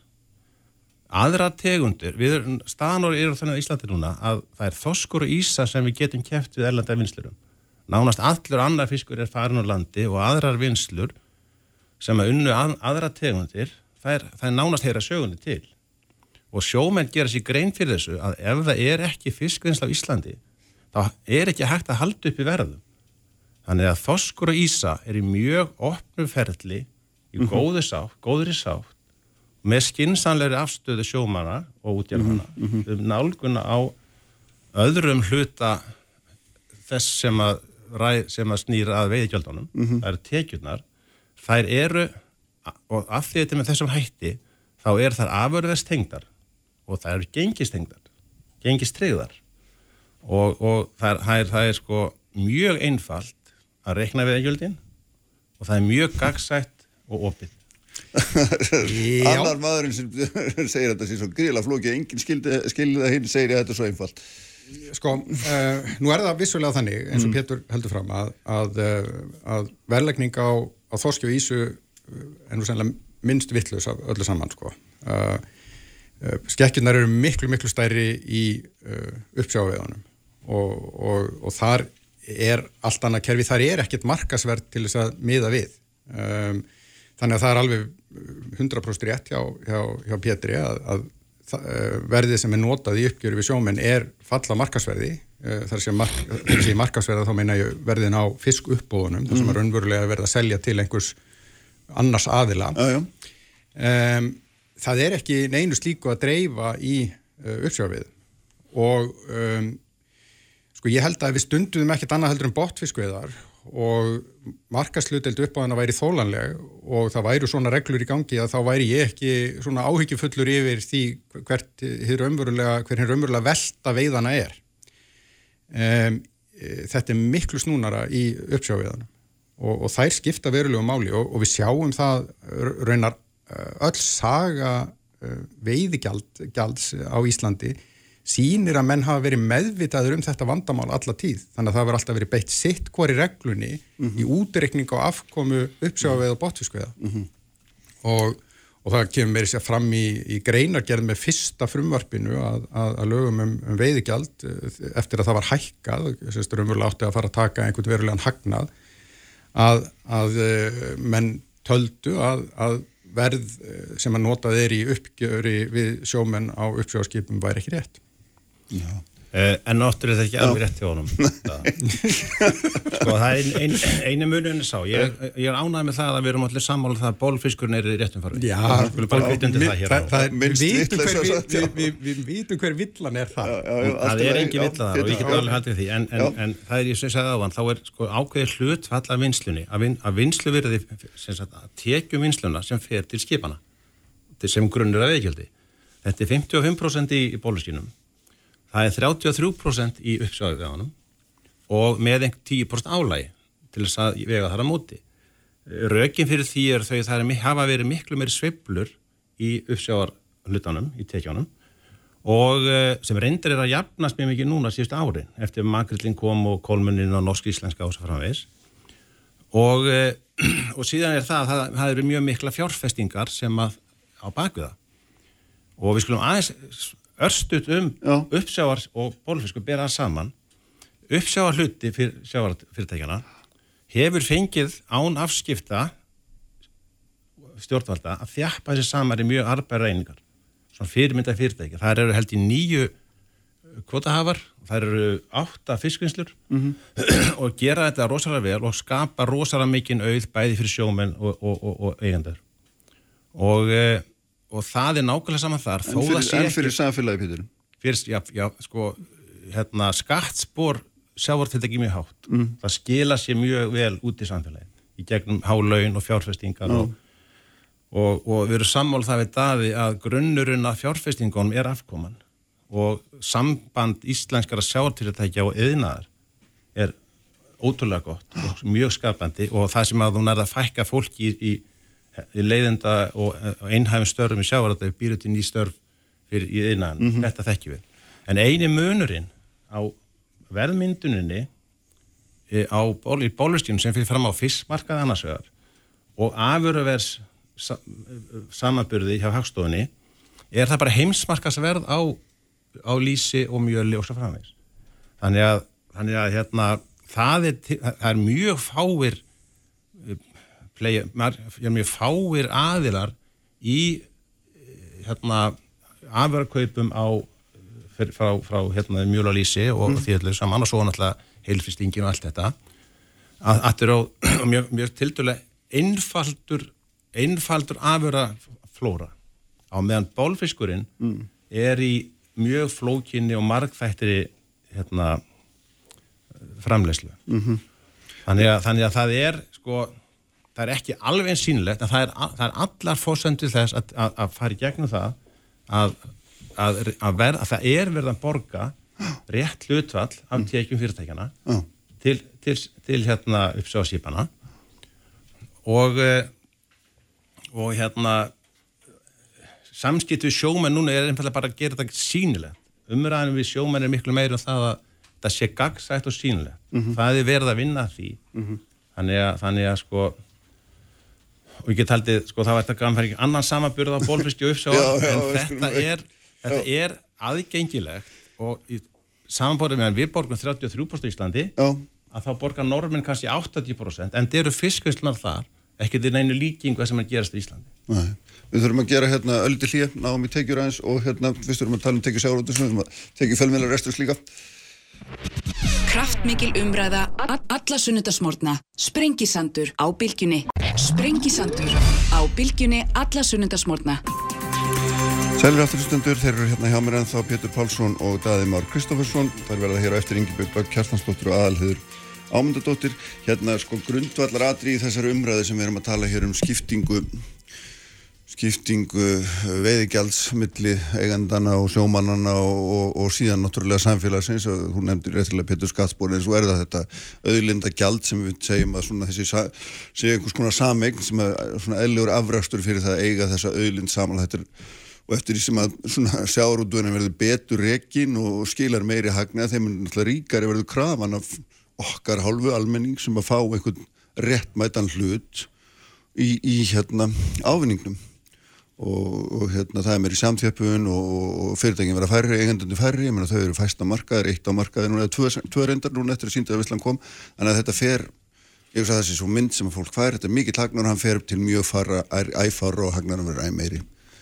Já, þetta er sko, ef ber saman hérna, aðra, aðra greinar þá er ekkert mikil samtöpun í sjávarati en hún hefur verið talsverð samt og eh, En hvað er það að meina talandi- við oljumarkaði eitthvað svoleiðis, mennur? Nei, ég menna bara að þetta er bara banka og þetta er öll, þessi stærri verktaka, þetta er hérna, tryggingafélög og, og álver og allt, þessi stóru fyrirtæki sem eru, meðan við erum að tala um 20 fyrirtæki sem er kannski með, og mjög mikið dreifði því, er nú önn saga. Já, En aðeins um umræðina, sko, fyrsta umræða var bara það að, að hérna, hvort þið þyrfti vildi vera stjórnum fiskuðum. Síðan var það umræðan um það, eh, um það hvernig þetta gera það og hver þetta fá það og annars lík. Og það er mjög jákvætt að umræða núna snýst um hversu mikið getur sjáaldun skafað til samfélagsins. já, Það er bara rétt að umræða. og það sem er að koma núna upp á borðið líka núna eins og það nefndir að það er eftir einn sem fækkar. Þó ég mér finnst ekki rosalega fá. Eftir sem fækkar. Að þá verður umræðan um eignarformið sterkara. Og það er kannski síðasta umræðan sem þetta er að taka um þessa grein. Og, eh, og hérna umræðan hjá okkur núna hún, hún, hún getur ekki annað en snúustu það hvernig fær samfélagið sem mest út úr, út úr, út úr pakkanum. Og að þessu mismun á uppbóði segjum að er eitthvað vilja rukka setja mjög há veiðekjöld og reiknar mjög há veiðekjöld þá er það heimin að hafa millir þess að fara með það á uppbóð því að á, það, það fer ekkert að uppbóð nema það sem er fyrst tekið af fólki eða fyrirtækjana, fyrst tekur af þeim mm. og setur það uppbóð Þú veist að meina að skala niður kótan sem hver og einn Nei, ég meina það er ekkert, ríkið hefur ekkert hann spyr við í greinan staði sem hann svarar eftir Já. hver er munurinn á þessu munurinn er bara hímin og haf Já. að þú tekur að okkur 2-3% eða 5% eða hvaða er og ef við náum ekki að kaupa það á uppbóði, þá mingar fyrirtæki sem því nefnur Já. og við erum búin að ganga í gegnum að 70-30 árum mjög sársöka huglar aðgerðir á alla kanta. Núna erum við að fá 13% niðurskurð það sem dæmið þýtti það að við fækkum sjómenni okkur 20%. Það fækkum í fiskvinnslunum 5%. Þetta er aðlöfun er, að, er að þessu. Munurinn, 13% niðurskurði í Þorski er ekki þessu. Já, já. já, það er nótið þetta, þetta er með mikil niðurskurður. Mér finnst lítið talað um afleðingarnar, uh -huh. það er bara svo sjálfsæður hlutur. En, en munurinn er nefnilega þessi að ef ég fer á upp og næ ekki að kaupa þetta, þá er þá, þá minga ég bara og, og það er Ég tók þetta með blækið til sindi ykkur eftir hvað gerðist þegar hann var svona pólitist uppbóð á, á aflega heimundum. Það er um, um fjórðungur af þorskinum farin og nýja eigendur fyrir utan niðurskurð til, til verðar stopnunum. Þannig frá því við fórum úr 400 tónum, 350 tónum í 150-200 tón, það var mikill handleikur að, standa það fyrir fyrirtæki sem voru veik fyrir. En, en, hérna, en til viðbótar var pólitíkin á sínum uppbóðum að taka 2-3% ári nokkurni sama tími og sama magn og, og það er að tala í sínum uppbóðum oh. og það var til þess að miklu fleiri fyrirtæki lögðus laupana en, en ella. Þannig að munurinn á uppbóði bursið frá upphæðanum og því sem reiknað er í, í, er, er í gjöld sem hægt er að leiðir þetta árað eftir hvernig sem er er að fyrirtækin þeir sterku munu geta hennar veik og þú, ef þú ert eitt eða tvö slæm ár að þá er uppbóðið eh, og mér hefur ekkert sá dað að hann vilja fá eitthvað meira hann vilja bara fá það öðruvísi mm -hmm. uppbóðið er ekki hægt að nýta nú er þetta kjærfi gott, það er bara komið okkur á þann stall núna, við erum að ræða hér um hversu mikið er það rukka það er ekki hægt að nýta uppbóðið þetta kjærfi, það er bara algjörlega nýtt umhverfið sem fer inn í ef þú ferði fyrningar á uppbóð mm -hmm. í ríki selur ekki neitt nema það sem hefur tekið til sem fyrst þetta er stóri munurinn á, á því sem að öðruleiti eru við sammálveit að um hvert markmiðin er mm -hmm. Daði? Já, sko, ég, í fyrsta lagi að þá hefur verið frjálst framsal á aflaheimildum uh, allavega í uh, botfiski í stóra kerfinu og, og uppsöga fiskunum frá 1991 um, þannig að sko það hefur alltaf öllum staði til bóða að kaupa og selja og við, við höfum svo sem farið yfir það að aðlum hefur fækka mjög mikið uh, sem er nákvæmlega þetta það sem að gerist þegar að uh, svona réttindi eru framsýlinlega, uh, sá sem getur borga mest fyrir þau, kaupir þau mm -hmm. og, og það mun þetta ekki breytast neitt uh, uh, þó að uh, ríki kæmi þarna inn. Um, sko, uh, í fyrsta lagi þá get ég ekki skilið að fyrirkomulag sem hefur þá verið við líði frá 1991 breytist eitthvað við það að komi einn viðbútar seljandi inn á markaðin það bara skilji ekki. Og, og hins vegar þá skilji alls ekki hvernig umfang á svona sölu sem ekki væri meira heldur en gjaldtaka neyri dag á einhvern veginn að setja alls konar fyrirtæki á hliðina sem ekki þegar eru farin á hliðina eða fara á hliðina vegna veiðgjaldana. Mm -hmm. uh, hvaða máli skiptir það í hvaða formi þessi miljardar eru greitti? Er ekki verið að tala um það fara á hliðina, þetta er mingi bara sem því nefnur, er það ekki? Já, en þú veist, sko, þau hafa alltaf á hverjum einasta mm -hmm. tíma uh, valið um það að selja þessar heimildir eða kaupa heimildir ef það eru einhver staðar í, í bóði uh, til kaups uh, það að þessi viðbótar aðilinn á þessum markaði sé ég ekki mm -hmm. að, að skipti neinu máli til viðbótar mm -hmm. að mhm. þá vil ég eh, taka fram að það sem við höfum lagt upp með er að í stað þessa réttindin séu einungisvarin með lögum og það er alveg rétt sem Pétur hefur sagt hérna að það er búið að smá naga í kerfið alla tíð. Það var miklu meira af uh, raunverulega heildar aflamarkinu útlutaði gegnum uh, kvotakerfið. Uh, það hefur smám saman verið naga niður og alls konar viðbóta hlutum bætt við. Um, og það er, það er sér ekkit fyrir endan á þeirri þróun uh, og, og það sem er umverulega við höfum alltaf talað um uh, er það að, uh, að þarna komi til þá engaréttalegi samninga, bara eins og leigu samningur sem ríki gerir við einhvern aðil út í bæ sem er ekki hægt að segja upp uh, eða, eða, eða skerða nefnum með bótum.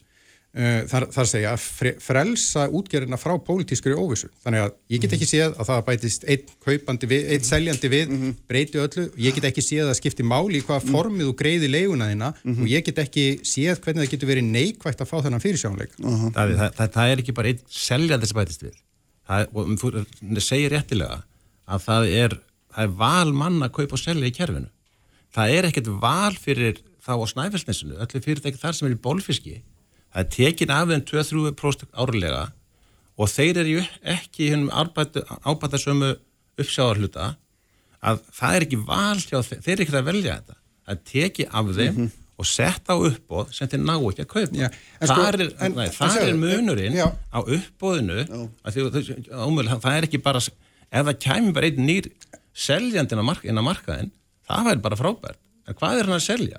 Hann er bara að selja sem hann er búin að taka taka Já, en af hann er að öðru taka við ykkur í dag, það þarf að tíður að greiða veiðigjöld í dag, við erum- skipti já. máli í hvað formi þið greiði fyrir þennan aðgang. ef þú getur tryggt það að, sem, að, að allir sem eru í þessu dag og vilja vera í þessu og búin að fjárfesta í tækjum og tólum fái það til sín en það er svo óvissa sem þú bætir inn í formúluna Nei, þvert á móti, un- fyrirsjónleika. Ég, ég nefnilega skil ekki alveg... er ég annars á, það, á, á, á næsta ári, er bóðin upp kóti Já, sem var getur- hjá mér í fyrra þú- já, getur- og ég er ekki vissum minn á honum Já, en ef þú átt svona einhverja portfóliu af samningum, samningarnir eru mismunandi langir, þeir, þeir renna út, uh, þú veist, einn á þessu ári og annar á hinu árinu, ef þú, ef þú þart fyrirsjónleika, þá ferði einfallega inn á markaðin og kaupir þér bara langasamninga. Það er ekkert sem kemur í veg fyrir það, ekki á þessu markaði frekar en öðrum. Ef þú ekki nærð þessum 2% Mhm. þá, þá ertu búin að skadast Já, ég sé það ekki, en Ég held að hérna, þú, þú Pétur verður að gera alveg og þið bjóða það í kaffi að þið geti hérna náðu saman um grundvallar hautök hérna, en takk ykkur báðum fyrir að koma. Hérna, við höldum áhrumangtum setna og ræðum þá meðal hans eignarhaldið, það er auðvitað eins og réttilega nefnt hérna, við formið og ángi af þessu öllu saman. Kæra þakkir. Takk fyrir þetta og þær eru hérna hjá mér Ingi Björg Kjartansdóttur aðalhiður ámyndadóttur eittur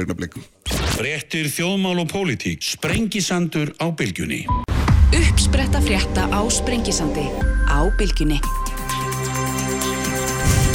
Sæli afturlustundur þeir eru farnir frá mér hérna Pétur Hafstætt Pálsson og Dæmur Kristoffersson. Eins og stundum er sagt allar umræður í Íslandi enda í því að nokkru miðaldri kallar fara að ríðast um fisk og það hérna áttu við um þessu umræðu. Við ætlum að tala um allt annað. Þeir eru sestar hérna hjá mér Ingi Björg Dag Kjartansdóttir sem er réttstjóru stundinni og aðalheiður ámyndadóttir sem er, er blaðamæra fréttablaðinu. Sælarblessar og velkoma velkomnar, ætlaði ég nú að segja. Hérna, við ætlum aðeins að reyna að ræða um þessi hérna, kynferðisofbildismál og alla þessa umræðu sem hefur verið í gangi núna undanförnum vikum, mánuðum í raun og veru og kannski kannski hérna, hvað skipti sem að manni finnst eitthvað meina, hún sé aðeins að, að sjatna þá rís hún upp af enn meiri krafti og gerir það náttúrulega mjög kringum þetta veður guðismál og þjóðháttiðin og allt saman hérna og, og mjög mörg svona hugtök í gangi sem eru áhugaverði þessu sem eru gerinda meðverkni og ábeldismenning og nöðgunarkúltúr og ég veit ekki hvað og hvað hérna en sko mér finnst svona til að byrja einhver staðar Ingebjörg hérna sko þú eh, skrifaðir magnaðan magnaðan leiðar í stundina sem að finnst hérna merkilegur og hann er skrifað til stuðningsgerendum og þarna og fyrsta setningin er eitthvað til ykkar sem hafi beitt á ofbeldi, ég stið ykkur. Segð mér hvað, byrjum þarna, hvað, hvaðan ert að koma og, og hvert er svona Já, við náttúrulega hefum síðan marga oft að fólk sem er sakað um að hafa beitt ábyldi, það nýtir mjög viðtaks stuðnings. Um, það er með uh, þekkt minnstur að konur saka menn um meðandi samskipti. Þeir fara í hart og hérna, fyrst fara hér vörn og svo hérna, komar með gagnóra sér og samfélagið er í sig til að stiðja þá. Þú veist, þetta er svona ringur sem við segjum aftur, aftur, aftur, aftur í hverju mörgum fættur öru. Og mér langaði bara svona til að benda á að það er til aðra leiðir til að styðja fólk sem er sakað um ábyldi og fólk sem hefur beitt ábyldi um, við getum gert það öðru sem heldur í blindri trú ásaklis þeirra. Og hérna að þess að ég veit náttúrulega nákvæmlega hvað gerast með hérna tvekja einstaklinga það er það samt þannig að ef einhverju ítrekka sakar um meðandi samskipti þá er finnst mér ástæði til að staldra við og íhuga hvað gerðist af hverju er einhverju sárum um, eftir samskipti við mig. Og hérna það er alltaf en þess að rík tilheng hjá okkur er að réttleita og fara í afnættun og vil ekki sjá það sem er sárt sko, í okkur einn framkomi og samskiptum. mhm. og þess vegna langar mér bara til að segja að mér langar til að styðja gerendur til að hlusta til að horfa sjálfa sig, til að líti eigin barm og til að leita sér aðstæðar ef það er ástæða til. Af því það er alveg hægt að taka á þessum málum með öðrum hætti heldur en með sem aggressífa og hérna aggressífa hætti þar sem er endalist átaka milli einstaklinga Já, ég einmitt. held að það sé mikið farsalli leið svona fram að við, bæði fyrir þessar menn sem umræðir og líka fyrir þá sem að er að segja frá meðan sáskiptum. Já, akkurat. Og þú náttúrulega ert að vísa hann í mörg gömul og þekkt mál, nú kannski bara eins og biskupsmáli og svona þar sem þetta var slegin skjaldborg utanum hann fyrst og fremst og hérna og þær konur sem að sökuðu hann um, um hérna um mitt uh, þess að framkoma þær rökkluðust úr landi og, og þarna einhvern meginn urðu megin fórnarlömpin getur maður sagt einhvern meginn eftir sem áður sko. það, þetta er svona hérna, eins og nefnir þetta er einhver svona ringur sem að við hefum ekki komist út úr ennþá áratögum síðar Nú, ég persónulega er alltaf þreytt að við erum ekki með stöðinni í umræðinni mm. og mér langast til að sjá hérna, umræðin að fara inn á næsta stig og samfélagi geta tekið betra á þessum málum. En þetta er svo ótrúlega sársökafull mál og það er svo ótrúlega mikil reyði sem liggur á baki og náttúrulega líka þólindur upplega ennþá með reyði þegar þeir finna það að það er ekki að hlustað á þá, það er ekki tekið mark á þeim, réttakerfi virkar ekki og þeir eru svo úrræðileysir og þá verður svo mikil sprengikraftur eins og það er að koma fram núna. Þannig að hérna, ég held að það verður mjög gaglegt fyrir samfélagi alltaf, við myndum bara reyna að nálgast þetta með aðeins öðrum hætti en ég veit náttúrulega að það er auðvitað ekkert allir tilbúinir í þessu umræðu en það er fyrir menn sem eru sakar um uh, ábyldi og líka fyrir aðstandundur þeirra þú veist það er alveg hægt að fá stuðning til að skoða hvað gerðist í samskiptum Mm. Mm. þú veist uh, og er einhver leið tilbaka þá eða hvað? Já, ég meina þú veist, það eru náttúrulega bara sérhæð úrræði líka fyrir menn sem hafa hérna, beitt ábyldi og þar sem hefur, rannsóknir hafa sínt að er að virka. Þú veist, menn sem er til dæmis e, að standa heimilisábyldi og fara í, í hérna, úrræði sem heitir heimilisfriður. E, þeir hætta mjög fljótt að beita líkamlega ábyldi. Þú veist, það er erfiðast að vinna með andlega ábyldið e, af því þeir kannski skilja ekki alltaf hvernig þeir eru að beita því en með tímanum er hægt að ná árangri að menn eru tilbúin til að horfa stegu og sjálf sig og ég, ég hef rætt við hérna líka já þú veist það er til sam, að, þú veist það verður stafna nýtt úrræð fyrir líka gerandur kynfyrsafbildis og svo hef ég líka rætt í barnaneginga sem að hafa þú veist að það er náttúrulega bara alveglustu brotina sem öllum uh, sem að hafa ákveð að horfa stegu sjálf sig og láta á ánættun og þá gera allt sem þeirra valdi stendur til að forðast aðstæðar þar sem að þeir eru líklegur til að brjóta af sér til að taka á þessum hérna, vandamálum sínum. Og þetta er ekki takt að segja að einhver fari meðferð og þar með þessi allt sko máli leist bara en ef þú raunverulega vilt það Mm -hmm. ef þú raunverulega vilt hægt að beita ábyldi það þarf ekki að beita ábyldi alveg saman hvernig ábyldi það er. Mm.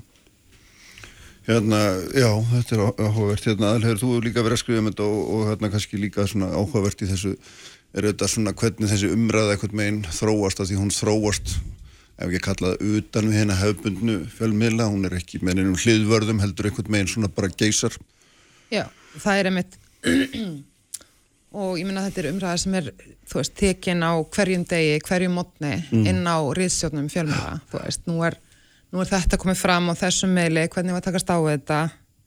Hvernig getum við komið inn í þessu umræðu og gert gagn? Mm. þú veist, hvernig, hvenar eru við að gera gagn í umræðinu, hvenar eru við að gera ógagn? Þú veist, hvernig getum við þú veist, og, og ég menna og það koma upp alls konar svona þú veist, að vera til ný eh, þú veist ég veit ekki hvort ég kalla vandamál sem við þurfum að díla við Mm. þú veist, bara varðandi, þú veist, nafnleysi þú veist, og, og alls konar bara flóknum spurningar sem að sem að svona hefðbundnir fjölmilar þurfa að díla við Já. í, þú veist, hvernig þeir takast á við þessa umræðu og af því að það er alveg ljóst þeir geta ekki bara leitt hana hjá sér, sko Nei. ég meina þetta er á móti líka er það ekki að það geta kannski ekki heldur einhvern meginn svona bara endurvarpað nafnlausum ásökunum eins og Nei, ég meina við getum Eins ekki og hver annar eða hvað? Veist, ég meina fréttablaði getur ekki breytt sér í samfélagsmiðil hann hefur ákveðnu líka bara ákveðnu hlutverk að gegna sem fjölmiðil í samfélaginu og um, og við getum þá hugsa sko, getum við gert umræðan eitthvað gagn með því að leiðana á, eða þú veist, fá inn nýja viðmælendur og þú veist, ég meina eitt af því sem að um, eitt af því sem getum gert sem ég gerði bara fyrir bara rétt eftir áramót minna með var að þá er búið, búin að vera mikil umræða um kemferðsbrot og hvernig réttakerfi te tekur á því. Og þá hérna fór ég bara yfir og tóku daga í það að fara yfir bara alla dóma sem fallið höfðu í landsrétti í kemferðsbrota málum og sótti bara, þú veist ég excelaði bara þessa dóma í Já. kemferðsbrotamálu og gat þá unnið bara fréttaskýringu um það að, að landsréttur snúi við þriðjungi sakvellinga í mjög og lækki refsingar fyrir nauðgun, þetta voru nauðgunardómar sem ég tók sérstaklega eh, og lækki refsingar í, í hérna stórum stóru hlutfalli þessara dóma vegna tafa sem hefur orðið á málsmeðferð. Og og með, með svona hætti geta fjölmiðlar sko komið inn í fólk sem er bara í vinnu við það að síslu um svona hluti getur komið inni með input í svona umræðu. Þessi umræða sem er í, í gangi núna og búin að vera í gangi veist, bæði núna undarfartna vikur en líka, veist, undarfartna mánuði og ár. Og ég meina þetta er ekki ný er ekki, við erum ekki að finna upp hérna nýja umræðu sko. Ég meina hún er búin að vera í marga áratí hún hefur hoppað upp reglulega. Já, hún vellur fram að meiri kraft einhvern veginn finnst mann allavega. Já, og þa þar koma þetta, sko, þar kemur bara ný tækni inn og ný, nýja samskiptaleðir með, með hérna samfélagsmiðlunum. En hún er, ég upplifa hana þannig og þá er ég ekki að tala um að þeir sem að startin á hverjum tíma sjá hana þannig. Ég bara upplifi umræðina því að svo sprettur hún bara og, og veltur fram á sínum eigin krafti. Já. Ég upplifa hana þannig að hún sé í rauninni sko á einhvern hátt tvískipt allavega að annars vegar snýr hún að réttarkerfinu og hún hinnu skipulaða kerfi sem hefum komið okkur upp til þess að búa saman í réttlátu samfélagi og uh, ég meina það er ekkit launungar mál að það, og það vita það allir að kerfið hefur í gegnum árin ekki þjónað þólendum vel. Það er algjörlega vitað uh, og umræðan snýst annars vegar um það og það er sem betur fyrir fullt af hlutum að gerjast í því akkurat núna. Lögreglan er að taka upp nýtt fyrirkomulag sem var bara verið að vinna í einhvern 2018 til þess að hraða málsmeðferð og, og hérna að því að það var bara var bara mjög svona regluleg hérna veist, verkvællinu voru einhvern veginn þannig að þessi mál bara duttu millir skips og breykja og lágu bara í onni skúfu svo mánuðum, jafnvel árum skipta þess að neitt kíkti á þau um, það eru mál fyrir mannréttindóstal Evropa núna sem er verið gríðarlega áhugavert að fylgjast með konur sem að upplifa bara að kerfið hafi yfirgefið sig. Uh, það hafa verið samþýgt lagafrumvörp núna, bara núna síðast bara núna á síðasta þingi, bæði um sko aukna aðkomið þólenda að þeim málum sem er í réttarkerfinu. Og þannig það eru hlutir að gerast þar. Mér finnst þessi umræða snúast einhvern veginn annars vegar um uh, hvernig kerfið hefur bröðist þólendum og hins vegar er þetta einhvers konar menningabilding hreinlega þar sem að um, konur oftast stíga fram og krefjast bara annara siðferðlega viðmiða í samskiptum kynjana og þar vil ég bara að sé komið fram við sig með öðrum hætti en hefur verið gert. Akkurat. og það er ekki, og þetta er ekki sko, þú veist, maður tala, tala mikið um, þú veist, ofbeldiskultúr og þetta. Þetta er ekki nýr kultúr. Þú veist, ég meina ég er endar orðin svo miðaldra, ég var úlingu fyrir 30 árum síðan. Og sko mín æska uh, og mín mitt lífstímabil sem ung kona var marinerað í öllum þessum frásögnum.